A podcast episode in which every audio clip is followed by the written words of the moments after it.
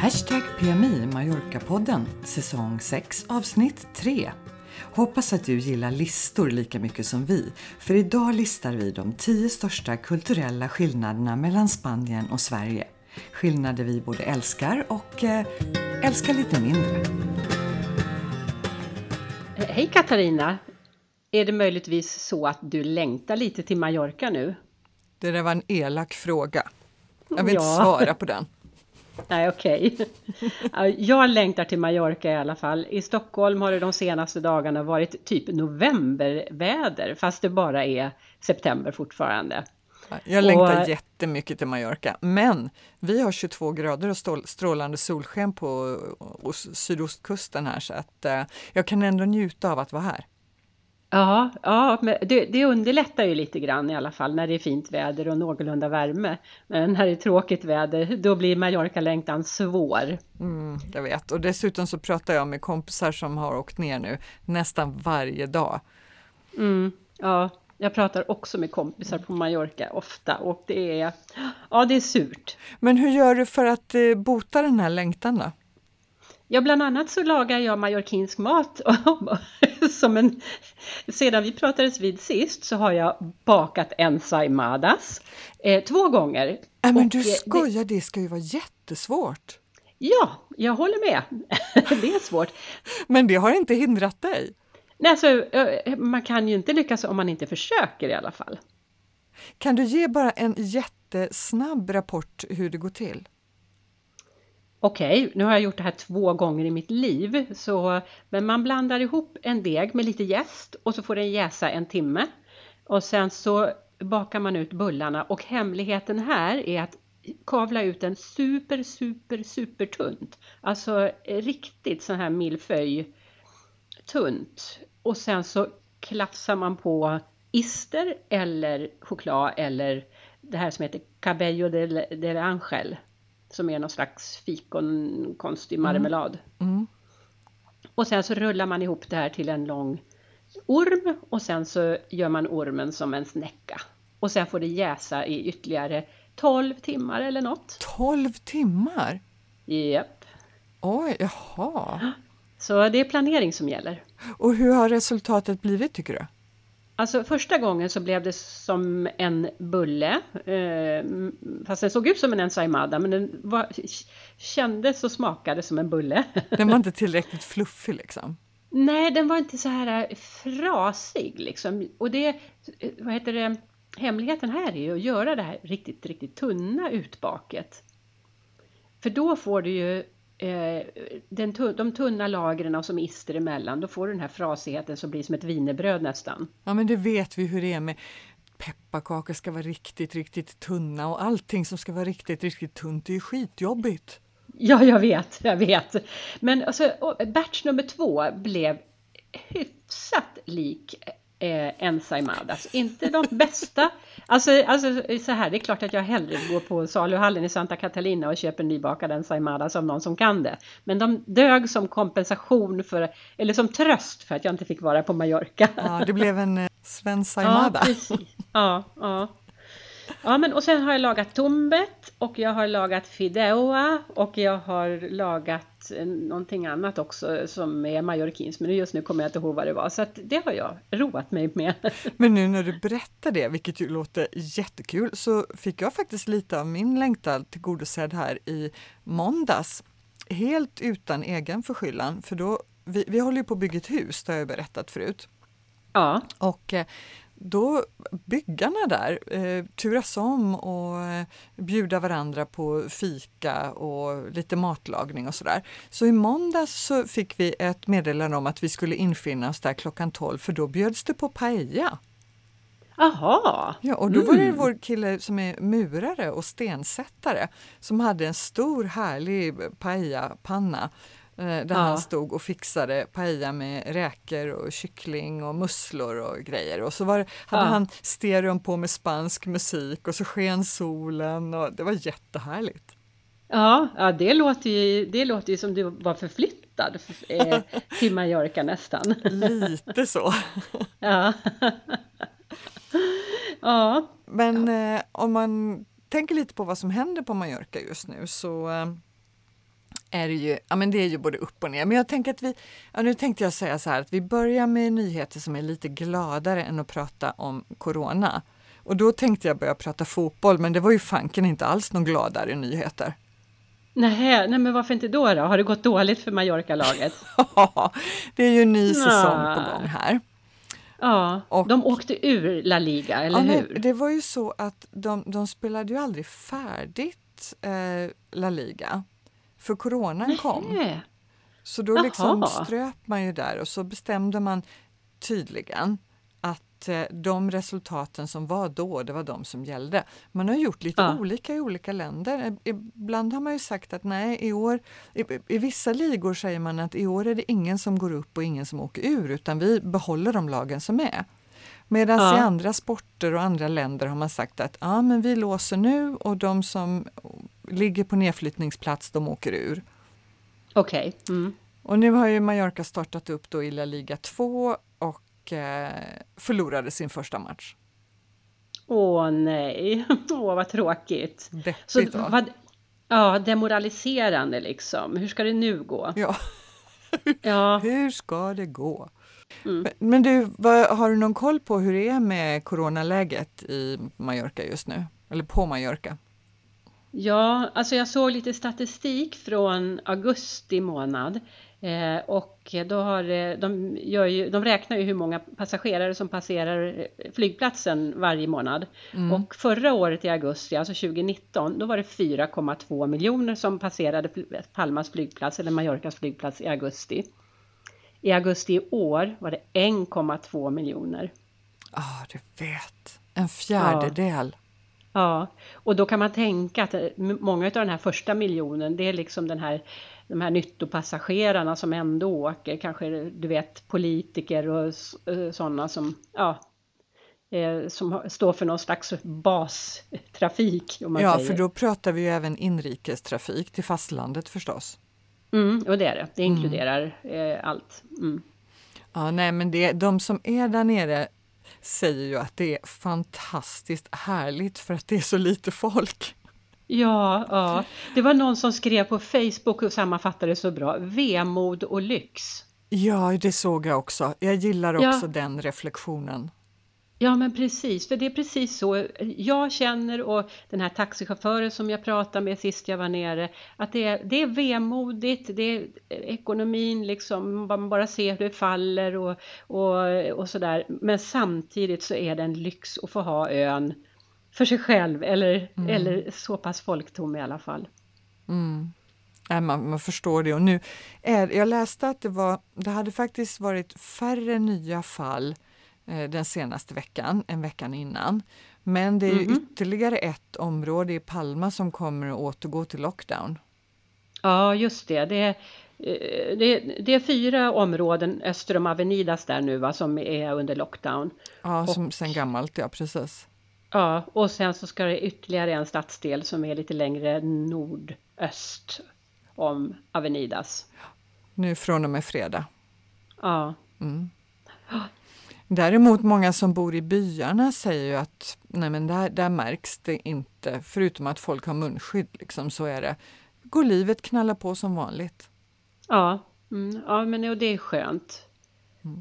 Och det är mm. väl i, på Mallorca, precis som på många andra ställen, att de här områdena som nu stängs ner, det är områden där man är väldigt trångbodda.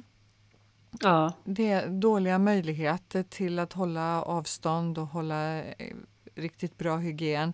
Många, hög arbetslöshet, många mm. som går hemma. Kanske också att informationen har extra svårt att komma fram. Mm. Med språkförbistringar kanske också. Mm. Mm. Mm. Ja, ja, vi håller tummarna för att eh, det vänder nat naturligtvis över hela världen men att eh, Mallorca kommer på fötter så snart mm. det bara går. Ja, det håller vi tummarna ja, för. Så att vi kan åka dit ner igen. Ja, mm. för nu vill vi dit. Ja, det vill vi. Men du Helena, du har ju en sån himla rolig idé om vad vi ska prata om det här avsnittet. Ja, jag tänkte att vi skulle prata om kulturkrockar och etikettsbrott mellan Sverige och Spanien, eller i alla fall Sverige och, ja, Sverige och Spanien, Mallorca. Ja. Och när vi säger att ja, men jag är så himla sugen på att åka ner igen, då, ja, men då är det ju ändå så att jag har lite, mitt liv där nere är lite annorlunda. Jag är en person där nere och jag är, ja. är lite grann en annan person i Sverige. Ja, ja. Och det beror säkert på de här olika kulturskillnaderna. Ja, jo det gör det. Och man har ju, jag menar, alltså alla sådana här eh, listor, det, det, blir ju, man schabloniserar ju väldigt, men man, det finns ju ändå ett, liksom ett nationellt, en nationell överenskommelse om vissa sociala saker. Sen är alla spanjorer inte likadana och alla svenskar inte likadana men, men ändå så den här nationella själen, den finns ändå på något sätt. Abs absolut. Eh, så här kommer då en liten guidebok för dig som ja. ska ta steget till en annan kultur. Ja, mm. tio kulturkrockar och etikettsbrott, Sverige-Spanien. Och vi börjar med nummer ett. Nummer ett, det är kindpussandet. När jag kom till Mallorca och inte hade varit nere på väldigt länge så träffade jag en gammal kompis från förr. Och eh, när vi fick syn på varandra så åh, åh gud vad kul att träffas. Och han hade levt sitt liv på Mallorca och jag hade levt mitt liv i, i Sverige. Och jag, vi kastade oss i armarna på varandra och jag försökte krama honom och han försökte kindpussa mig. och så, alltså där är både, där är det en rent fysisk krock, för det är då man liksom slår näsan i varandra och blir generad. Och mm. Vad gillar du kindpussandet? Alltså jag gillar det väldigt mycket och det, det, jag känner mig väldigt spansk när jag ägnar mig åt det. Mm. Eh, jag mm. tycker att det är, det är skönt på det sättet att du alltid vet hur du ska hälsa. Såvida det inte är en människa du träffar för allra första gången eller om det är väldigt formellt, då tar du i hand. Ja. I princip mm. alla andra tillfällen så kindpussas du. Eh, ja. I Sverige tycker jag att det är så otydligt. Man vet ja. inte om man ska ta i hand eller om man ska kramas eller om man ska kindpussas, för det är ju vissa kretsar som har börjat med det här också. Jaha, jaha, det har jag faktiskt inte stött på alls, men eh, ja, varför inte? Mm. ja, nej men så kindpussandet. När du känner någon i Spanien så kind, hälsar du genom att kindpussa. Man pussar i luften, inga kletiga blöta pussar på kinden inte, utan man pussar i luften. Och du vänder först huvudet åt vänster och sen åt höger? Ja. Men, och generellt så är det ju mera kroppskontakt kontakt och mera gestikulerande. Alltså det är lite mer, Spanien är mer ett fysiskt land än Sverige på så sätt. Mm. Kulturkrock nummer två. Nummer två, då tänkte jag nämna middagsbordet och eh, Eh, det finns en spansk etikettsregel, oskriven, att eh, man får inte ha händerna under bordet när du sitter och äter. De ska alltid vara på bordet. Eller ovanför bords... Vadå? ja, alltså den förklaring som jag hörde det var att det fanns risk att eh, man hade en kniv under bordet. Att det var någon sån gammal grej. Ja, det känner jag, jag igen bland inte. mina vänner. Absolut, hög risk. Ja men precis, att de sitter där och har en kniv och försöker bara leta efter ett tillfälle och, och, och stabba liksom. Mm. Mm. ja, nej men och sen så det som kanske skandinaver gör, eh, eller åtminstone engelsmän tror jag, det är när de får en brödbit då eh, till maten, då lägger de den på, mat, på tallriken på maten liksom. Det får man inte göra. Brödet ska vara bredvid maten på bordet eller om det finns en liten assiett för brödet. Kulturkrock nummer tre. Då tänkte jag på det här med skor, skor inomhus. Svenskar tar ju alltid av sig skorna när vi kommer in. Vi har ju så smutsigt eh, smut, smutsigt utomhus liksom. Så vi mm. måste ju ta av oss skorna eh, nästan jämt. Eh, och, eh, men eh, det gör inte spanjorerna. De behåller ju skorna på och det är inte så konstigt för de har ju så jävla kalla golv. Mm, eller hur? Man vill ja. ha to varma tofflor. Ja, men det där är också någonting som håller på att förändras i Sverige. Jag ser fler och fler som tycker att det är okej att man behåller skorna på, om de bara är rena och torra. Ja, precis. Mm. Eh, men eh, man frågar verkligen, är det okej om jag behåller skorna på? om man kommer hem till någon, eller hur? Ja, jo, men det gör man. Men jag mm. tänker att det börjar bli vanligare om du till exempel går på middag hemma hos någon, att du faktiskt får behålla skorna på eller att du har med dig inneskor. Ja. Eh, fler och fler känner sig lite obekväma med att gå omkring i strumporna till den där snygga aftonklänningen eller kostymen. ja, jo, jo, men det är ju det. Man är, man är väldigt, väldigt eh, på något sätt icke-auktoritär eller man förlorar all pondus när man inte har skor på sig. Ja, när man tassar omkring där i sina små strumpor. Ja. Nej, men så, eh, när jag är hemma på Mallorca då, och det kommer hem folk till mig, då, då frågar de, Åh, ska jag ta av mig skorna eller ska jag behålla dem på? För att vi, vi är ju medvetna om det där då när vi befinner oss utomlands. Och då säger jag att man får välja fritt. Man, ja. man får behålla dem på eller, eller ta av dem, vilket som känns bäst. Mm. Krock nummer fyra. Ja, krock nummer fyra är det här med högljuddhet. Spanjorer är generellt ett mer högljutt folk än svenskar. Och eh, det, ibland så kan jag tro att folk bråkar, att de är osams. Och det kanske de är lite grann, att de är oense om någon liten sak. Men det som jag ser som ett stort gräl, det kan spanjorer se som en livlig diskussion bara. Ja, nej, men det, det, du har helt rätt. Jag kommer ihåg när jag var första gången i Spanien med mina föräldrar på charterresa när jag var tio år. Och vi undrade så varför städerskorna bråkade konstant hela tiden. Ja. Vet, ja. Vi låg vid poolområdet och de stod och skrek och så de höll på att ta livet av varandra mellan fönstren där uppe på andra våningen. Ja. Och egentligen så handlar det bara om att ja, men handdukarna är inte torra i rum tre. Men har, du ja. som är språkvetare, vad, liksom, har det någonting att göra med eh, alltså betoningen i språket eller är det att de helt enkelt pratar högre? Vad... Det har snarare med sociala koder än språk att göra skulle jag säga. Men okay. Eh, Eh, det, vi pratar, man brukar ju prata om också eh, svenskars beteenden i möten om man tittar på affärssidan. Och svenskar vill ju, eh, ett svenskt möte, när man går ut ifrån mötesrummet, där ska alla ha nått, eh, ha vara överens, det ska vara konsensus liksom. Mm. Eh, och det är inget måste i många andra kulturer utan det, man kan gärna vara lite oense när man går ut ur mötesrummet. Det är mm. liksom ingenting. Och man kan, och man kan säga emot och man, om man inte kan ha någonting att säga då blir man betraktad som eh, dum. Ja. Alltså jag Så gillar att, det. Jag känner mig obekväm med det men jag gillar det. Ja, ja. Mm. Kulturkrock nummer fem. Nummer fem. Ja, jag vet inte om det här, det är inte en kulturkrock kanske, men i alla fall olika etikett. Barnen är ju mycket mer delaktiga i alla sociala aktiviteter i Spanien än vad de är i Sverige. Mm. I Sverige delar vi upp oss på åldern och alldeles alldeles för mycket tycker jag. Det är lite tråkigt. Både eh, gamla håller sig till sig och eh, medelålders håller till sig till sig och barnen ska vara på sitt ställe och man ska inte blanda de här åldrarna. Men att umgås över generationsgränserna och ha barnen med överallt, det är typiskt spanskt. Mm, det är en jättestor skillnad. Mm. Och det innebär inte att SOS behöver komma och ta hand om barnen om det är en familj som har barnen med sig på en bar en kväll klockan 11. Åh oh, nej, absolut nej. inte. De kan komma in på en restaurang när man ska äta klockan 11. Och jag ja. kan inte låta bli att vara lite sådär fröken ordentlig och tänka herregud, ska barnen verkligen vara vakna så här dags på kvällen? Ja. ja. Men jag vet ja. ju att det är så. Ja, det är så. Det är trevligt, tycker jag. Kulturkrock nummer sex. Eh, nummer sex. Eh, då har vi det här med plastkort eller cash. Ah, jag blir tokig! Ja. Jag gillar ju verkligen mitt plastkort. Ja, precis. Men eh, gillar du inte cash då? Nej, jag tycker det är stökigt att hålla på med.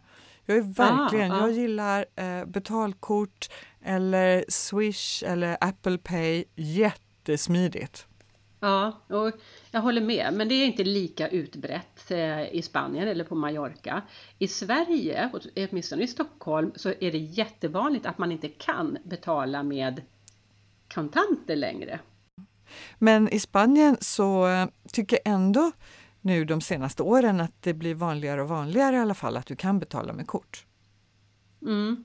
Jo, det blir vanligare och vanligare, men för några år sedan då var det ju svårt att få betala med kort någon annanstans än på ja, större varuhus. Mm. Och sen kan det ju vara så här också som jag har upplevt ofta att eh, vill du betala eh, kontant eller med kort då är det två olika priser. Betalar du kontant, kontant så kan du slippa betala momsen. Kulturkrock nummer sju. Jo, har du tänkt på att eh, spanjorer ofta skalar frukt? Alltså, de skalar, det är klart att de skalar banan, men till exempel äpplen. det hoppas jag. äpplen och päron skalar de innan de äter.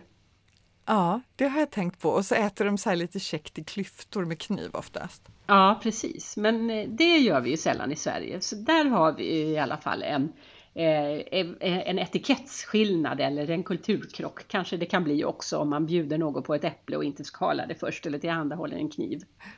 Jag tänker att vårt sätt att äta på kan se lite brutalt ut sådär, när vi bara hugger i äpplet. Ja, det är mer elegant att äta med kniv och skala, det håller jag med om. Det är det absolut. Kanske ska, jag ska fundera på att gå över till det. Ja. Mm. ja. Kulturkrock nummer åtta. Ja, alltså jag förstår att det här har lyssnarna väntat på nu. För om det är någonting som är svenskt och som inte är spanskt så är det att hålla tiden. Ja, oh, jag vet. Eller hur? nu är jag ju en, en otrolig tidsoptimist, så jag har lite svårt att hålla tiden. Men jag är väldigt noga med att höra av mig om jag inte kan hålla tiden. Och jag ja. vet i olika sammanhang i Spanien så har jag ringt och sagt att jag, jag blir fem minuter sen eller jag blir tio minuter sen. Ja. Och jag möts alltid varje gång av samma förvåning. Ja, helt Varför oförstående. Ja, hade du någonting annat på hjärtat eller? Ja, nej, men jag håller med. Jag är ju också tid, tidsoptimist och jag kommer, jag kommer ofta sent. Men jag är inte lika mycket för att höra av mig direkt om det är fem minuter. Det beror ju lite på vad jag, vad jag är försenad till i och för sig. Men eh, jag kanske är lite mera spansk när det gäller det där då. Eh, krock nummer nio. Och där, där tänkte jag hoppa in med en. Ja. Jag som har en eh, hund. Ja. För det är lite annorlunda att ha en hund eller en perro. Aha, ja men berätta, berätta vad är det för skillnad där? Eh, jag tycker att spanjorerna är med hundar precis som med sig själva, att det är mycket mer närkontakt. Aha. Hundar ja. ska hälsa på varandra och alla människor ska hälsa på hundar och gärna ah. stoppa i dem en köttbulle eller en pommes frites bara sådär i förbifarten när man går förbi. Aha, ja för det måste väl vara ett brott på, eh, på, i Sverige att ge någon annans hund någonting att äta. Det gör man absolut inte. Nej, nej det, det kan jag tänka mig. Men det gör man alltså i Spanien? Mycket och gärna.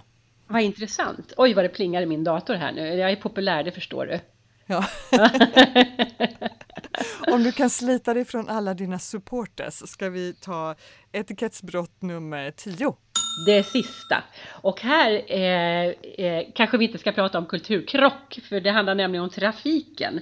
Och eh, jag tänkte fråga dig Katarina om du har tänkt på att eh, vid rödljusen, eh, trafikljusen i, i Palma, där sitter det alltid ett litet mindre trafikljus längre ner på stolpen. Ja. Eller ofta gör det det. Ja. Mm. det här är ju till för, dels är det till för motorcyklister och sådär, men det är också till för den bilist som kör så långt fram, alltså den som står först vid trafikljuset han eller hon står så långt fram att hon inte ser när det slår om. Ja, just det. Mm. Ja. Jättefiffigt. jättefiffigt. Men där de här inte finns då, där är det är då kutym att bil nummer två tutar vänligt när det slår om. Och det är liksom inte kör nu din jävel, utan det är liksom bara tut ut, nu är det grönt, nu kör vi. jag, har, jag har aldrig tänkt på det på det sättet, utan jag har mer tänkt på det, herregud, hur ska jag hinna köra innan det blir grönt? Kan du hejda dig lite? Ja, nej det är inte så, utan det är bara i all vänlighet, nu är det grönt. Och då kan jag säga, vi som precis ska besikta vår bil i Spanien, Ja. Eh, där, då får man ju en liten lista innan på vilka saker man ska kontrollera. Ja, men du vet att det finns att säkerhetsbältet fungerar och att backspeglarna fungerar och bla bla bla. Och bland annat så ska man då också kontrollera att tutan fungerar. Eh, varför skulle man behöva kontrollera det tänker jag? Man använder den väl varje gång man är ute och kör så det vet man väl om tutan. Du har helt rätt. Men det här är underbara skillnader. Jag älskar skillnaderna, vet du det? Ja, det är faktiskt, det gör jag också. Det är roligt och det är det som gör att det blir intressant att resa och byta, byta land så där som vi gör. Det är jättehärligt. Och ibland trivs man kanske bäst med den svenska modellen och ibland i vissa frågor så trivs man bäst med den spanska varianten. Ja, jo, det finns för och för, fördelar och nackdelar med, med båda, då, båda länderna och båda nationaliteterna och båda de sociala sammanhangen. Ja.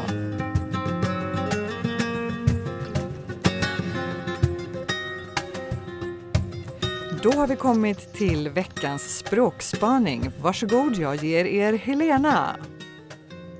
Tack så mycket. Ja, men och veckans språkspaning måste ju naturligtvis också handla om etikettsbrott. Och det som jag tänkte på och ett etikettsbrott som jag själv har gjort eh, fler, ett flertal gånger, det är att kalla castellano för spanska, alltså espanol, när jag pratar med personer ifrån ett område där de har ett eget språk. Som till exempel Katalonien eller Baskien eh, eh, eller Mallorca då som har mallorquin.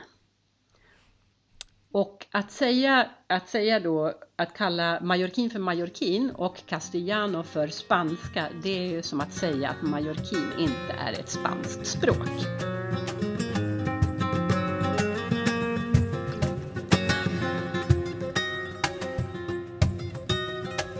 Och ni som lyssnar på vår podd, eh, ni kanske också har fler skillnader som ni har noterat. Hör gärna av er på vår Facebook-sida. Under varje avsnitt så lägger vi ut länkar i kommentarerna och där kan ni också kommentera. Vi tar jättegärna emot andra roliga observationer på skillnader. Åh, det skulle vara jätteroligt. Jag hoppas att vi får in mycket. Ja, för det är klart att man ser olika hela tiden. Ja, jo, så är det. Men du, eh, i, Helena, i din totala Mallorca-längtan här så har du säkert mm. spanat lite på vad man kan göra nere eh, på Mallis nu, även om du inte själv är där. Mm. Det vi missar det är eh, vinfestivalen i Bini Salem. Ja, men är det inte typiskt att vi missar en vinfestival? Ja, det är faktiskt typiskt. Undrar om vi mm. ska göra någonting hemma istället.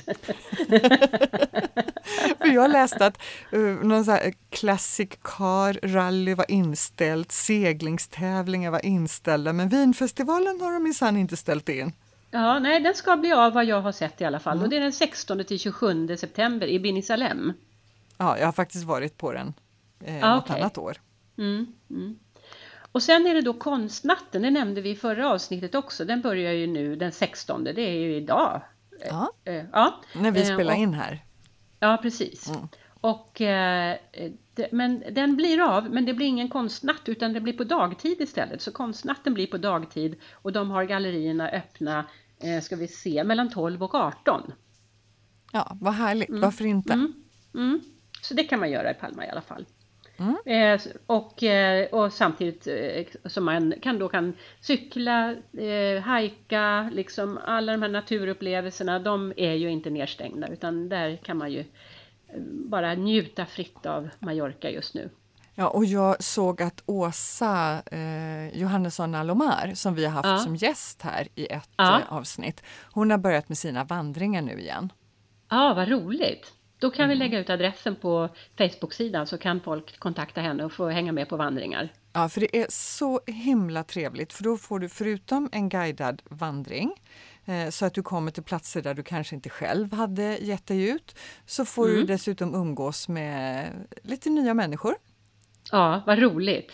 Och småprata, för det är ju en... Okej, okay, en del tycker det är jättehärligt att vandra och känna tystnaden och sina egna tankar. Men jag tycker det är trevligt att småprata lite under tiden också.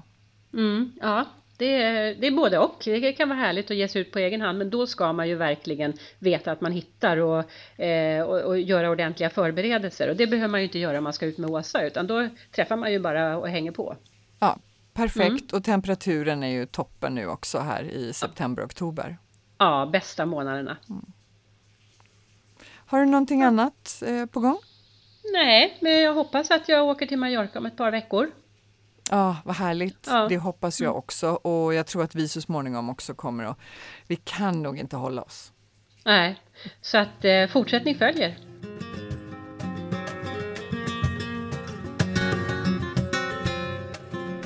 Du har lyssnat på Hashtag PMI. Gå in på vår Facebook-sida.